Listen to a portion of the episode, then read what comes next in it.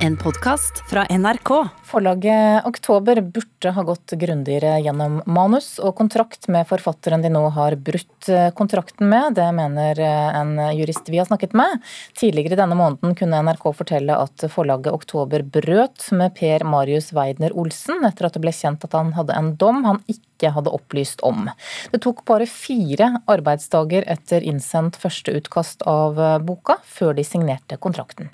Jeg var jo euforisk, jeg var stolt og glad. Og jeg var også enig i for å si det sånn, forlagets vurdering at dette er et godt manus. Jeg var kjempefornøyd med manuset mitt. I juli debuterte forfatter Per Marius Weidner Olsen med romanen 'Jeg hadde en oppvekst nesten som min egen', som høster strålende kritikk. Jeg synes nok, med alt vi vet nå, at denne prosessen gikk veldig raskt. Spesielt for meg som var en hva skal kalle en uvitende, uh, uopplyst Eh, og som sagt, på det tidspunktet ekstremt glad og stolt eh, debutant.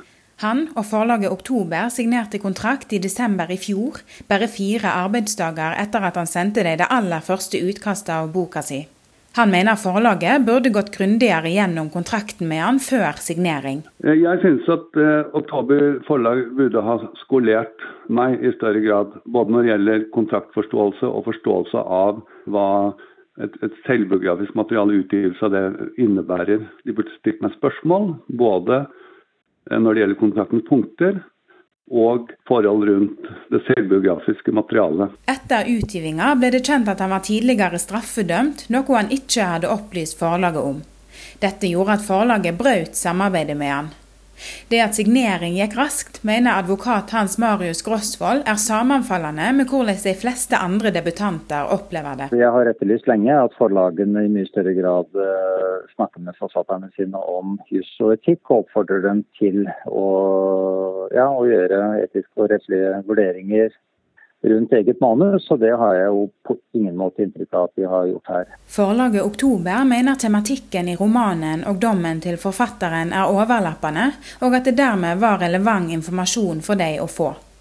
De har ikke høve til å stille til intervju, men skriver i en e-post til NRK at vi hadde en vanlig, grundig redaksjonell prosess i arbeidet med denne romanen, og rutinene våre har stått seg godt over tid. Utover det er det ikke naturlig å kommentere offentlig dialogen vi har med forfatterne våre. Weidner Olsen fikk tilbud og inngikk en normalkontrakt som blir nytta av alle norske skjønnlitterære forfattere. Vi mener han ikke har tatt omsyn til opplysningsplikter i denne kontrakten.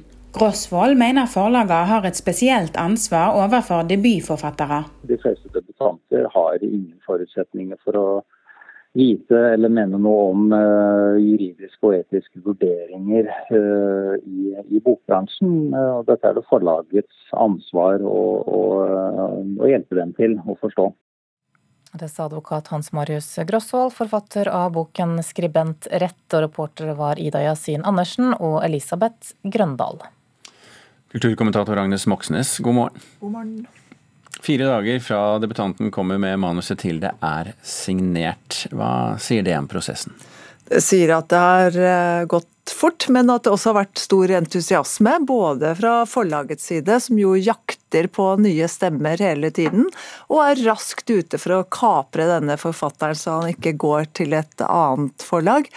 Og så er det helt sikkert voldsom entusiasme hos en debuterende forfatter på 57 år, som får altså antatt romanen sin hos selveste Oktober forlag. Og Oktober forlag er jo ikke noe hvilket som helst slags forlag. Det er forlaget til Karl Ove Knausgård, Dag Solstad, Linn Ullmann osv. Eh, så spørsmålet man må stille seg her, er jo om man i denne farta og denne entusiasmen, både fra forlag og forfattere, har hatt god nok Eh, plass og, og tid og rom til å utforske veldig viktige og vanskelige spørsmål.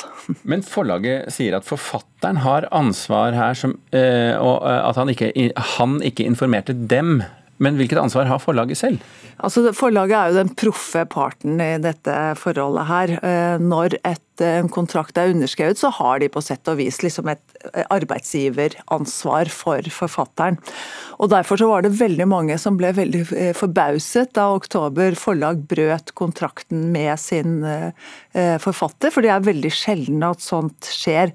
Det er jo sånn at Forlag har på en måte, de bærer litt sånn tungt ansvar for disse store tingene her i verden, som ytringsfrihet og at alle stemmer skal ha en mulighet til å uttrykke seg. Eh, og Derfor forventes det egentlig at forlag tåler å stå liksom i stormen sammen med forfatteren sin. Det skjedde ikke her, men når det er sagt, så vet vi jo at et forlag er juridisk ansvarlig for sine utgivelser, og at her er det informasjon de ikke har fått på veien. Da. Mm. Er dette en enslig svale, eller er det andre eksempler? Nei, Det har jo altså vært flere saker f.eks. om sitatjuks og kopiering av andres eh, tekster. Og så kan man jo kanskje anta at uh, informasjonsutvekslingen mellom forlag og forfatter ikke var helt Eh, presis i den saken som eksploderte i går, altså i boka om Ari Behn. Uh, uansett så vet vi at det blir veldig mye medieoppmerksomhet og mye mediestøy om sånne saker. Det er ubehagelig for begge parter, men ikke minst for forfatteren, som disse tingene ofte blir hengende ved. Eh, så ideelt sett så burde alt ha kommet på bordet i møtene mellom forfatter og forlag. Det sier noe om alvoret i sånne møter, og særlig da i sånne tilfeller som dette her, hvor vi snakker om en debuterende forfatter. Og så har vi jo snakket om, og denne saken toucher jo innom problemet eh, som har vært oppe tidligere, etisk regelverk for forlagsbransjen. Hvorfor er det så vanskelig å få gjennomslag for det? Det er eh, ikke lett, for det er jo ikke etterretningstjenesten disse forfatterne skal inn i. Og vi må ikke komme dit hen at man må levere fra seg en vandelsattest for å få gitt ut en bok. Men en etisk sjekkliste kan jo ikke være galt, ikke minst for å bevisstgjøre forfattere om de etiske dilemmaene som kommer i kjølvannet av særlig bøker eh, som er virkelighetsnære. Som jo romanen til Weiner Olsen, altså 'Jeg hadde en oppvekst nesten som min egen', er egentlig et veldig godt eksempel på. Agnes Moxnes, takk skal du ha. Den første norske Netflix-filmen har premiere i dag. Den heter 'Kadaver', er skrevet og regissert av Jaran Herda, og har Gitte Witt, Thomas Gullestad og Torbjørn Harr i de største rollene. Vi mennesker trenger å føle. Hotellet er scenen. Kadaver, den første norske spillefilmen på Netflix, er stilsikker skrekk med uklart skille mellom fantasi og virkelighet. Filmens virkelighet er riktignok en fantasi fra en postapokalyptisk verden, som sikkert skal forestille Norge, sjøl om alt er innspilt i Karlovy Vary og Praha i Tsjekkia. Regissør og manusforfatter Jaran Herdal viser teft i måten han etablerer universet på, og hvordan han skaper forventninger til hva som kan skje der. Men manuset Spillets kvaliteter er dessverre middelmådige, med stiv dialog og flere unødig kompliserte og upraktiske mekanismer. En lekker visuell stil og fint skuespill gjør Kadaver til en tidvis guffen grøsser, med noen ekle observasjoner av menneskelig atferd i unntakstilstand, men den mangler samtidig finessen og engasjementet til å bli mer enn en stilistisk sjangerøvelse. Jeg tror vi alle kan ha godt av et lite avbrekk denne skrekkelige hverdagen. Er dere enige?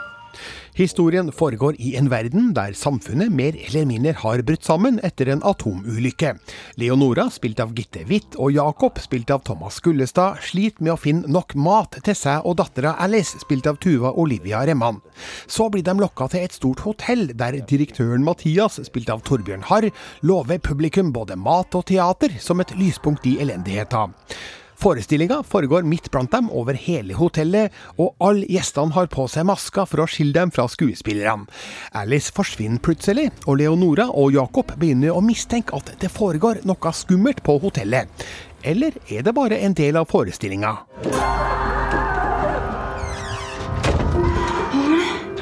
Var det skuespillere? Filmens første minutter inneholder noen bilder som gjør det veldig lett å gjette hva som egentlig er i gjære. Dermed tilbringes de neste 90 minuttene med å se figurene finne ut det samme. Veien mot konklusjonen inneholder likevel noen spenningsmomenter som gjør det interessant å følge med. Kadaver fremstår som en påkosta produksjon, bl.a. med gjennomført scenografi, nydelig foto og et atmosfærisk lydspor. Jaran Herdal bygger en ambisiøs verden som lener seg mer mot det teatralske enn det realistiske, og han viser seg i full stand til å skape stilisert uhygge, sjøl om handlingsforløpet ikke virker helt troverdig, sjøl innafor skrekkfilmens fantasifulle rammer. Kadaver har altså både gode og mindre gode kvaliteter, der den imponerende formen trumfer innholdet innholdet. Den kjeder i hvert fall aldri sitt publikum, for det her er 90 kjappe minutter med litt skrekk og gru og en liten dose postapokalyptisk samfunnskommentar. Kanskje er det nok til at Kadaver kan hevde seg i Netflix-menyen. Alt er en del av teatret.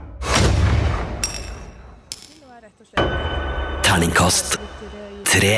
Og dermed er jeg heller ikke noe forberedt. I saken Reporter her, det var Eller anmelder her, det var Birger Westmo. Filmen 'Kadaver' har altså premiere i dag.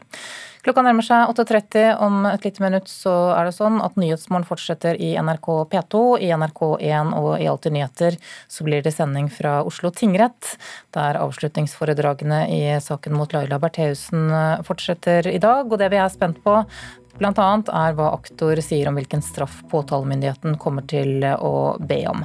Det skjer første del av dagen. Deretter skal forsvarer Jon Christian Elden bruke resten av rettsdagen til å proklamere hennes uh, uskyld. Han mener jo at rettssaken viser at Bertheussen ikke kan stå bak det hun er tiltalt for. Du har hørt en podkast fra NRK. Hør flere podkaster og din NRK-kanal i appen NRK Radio.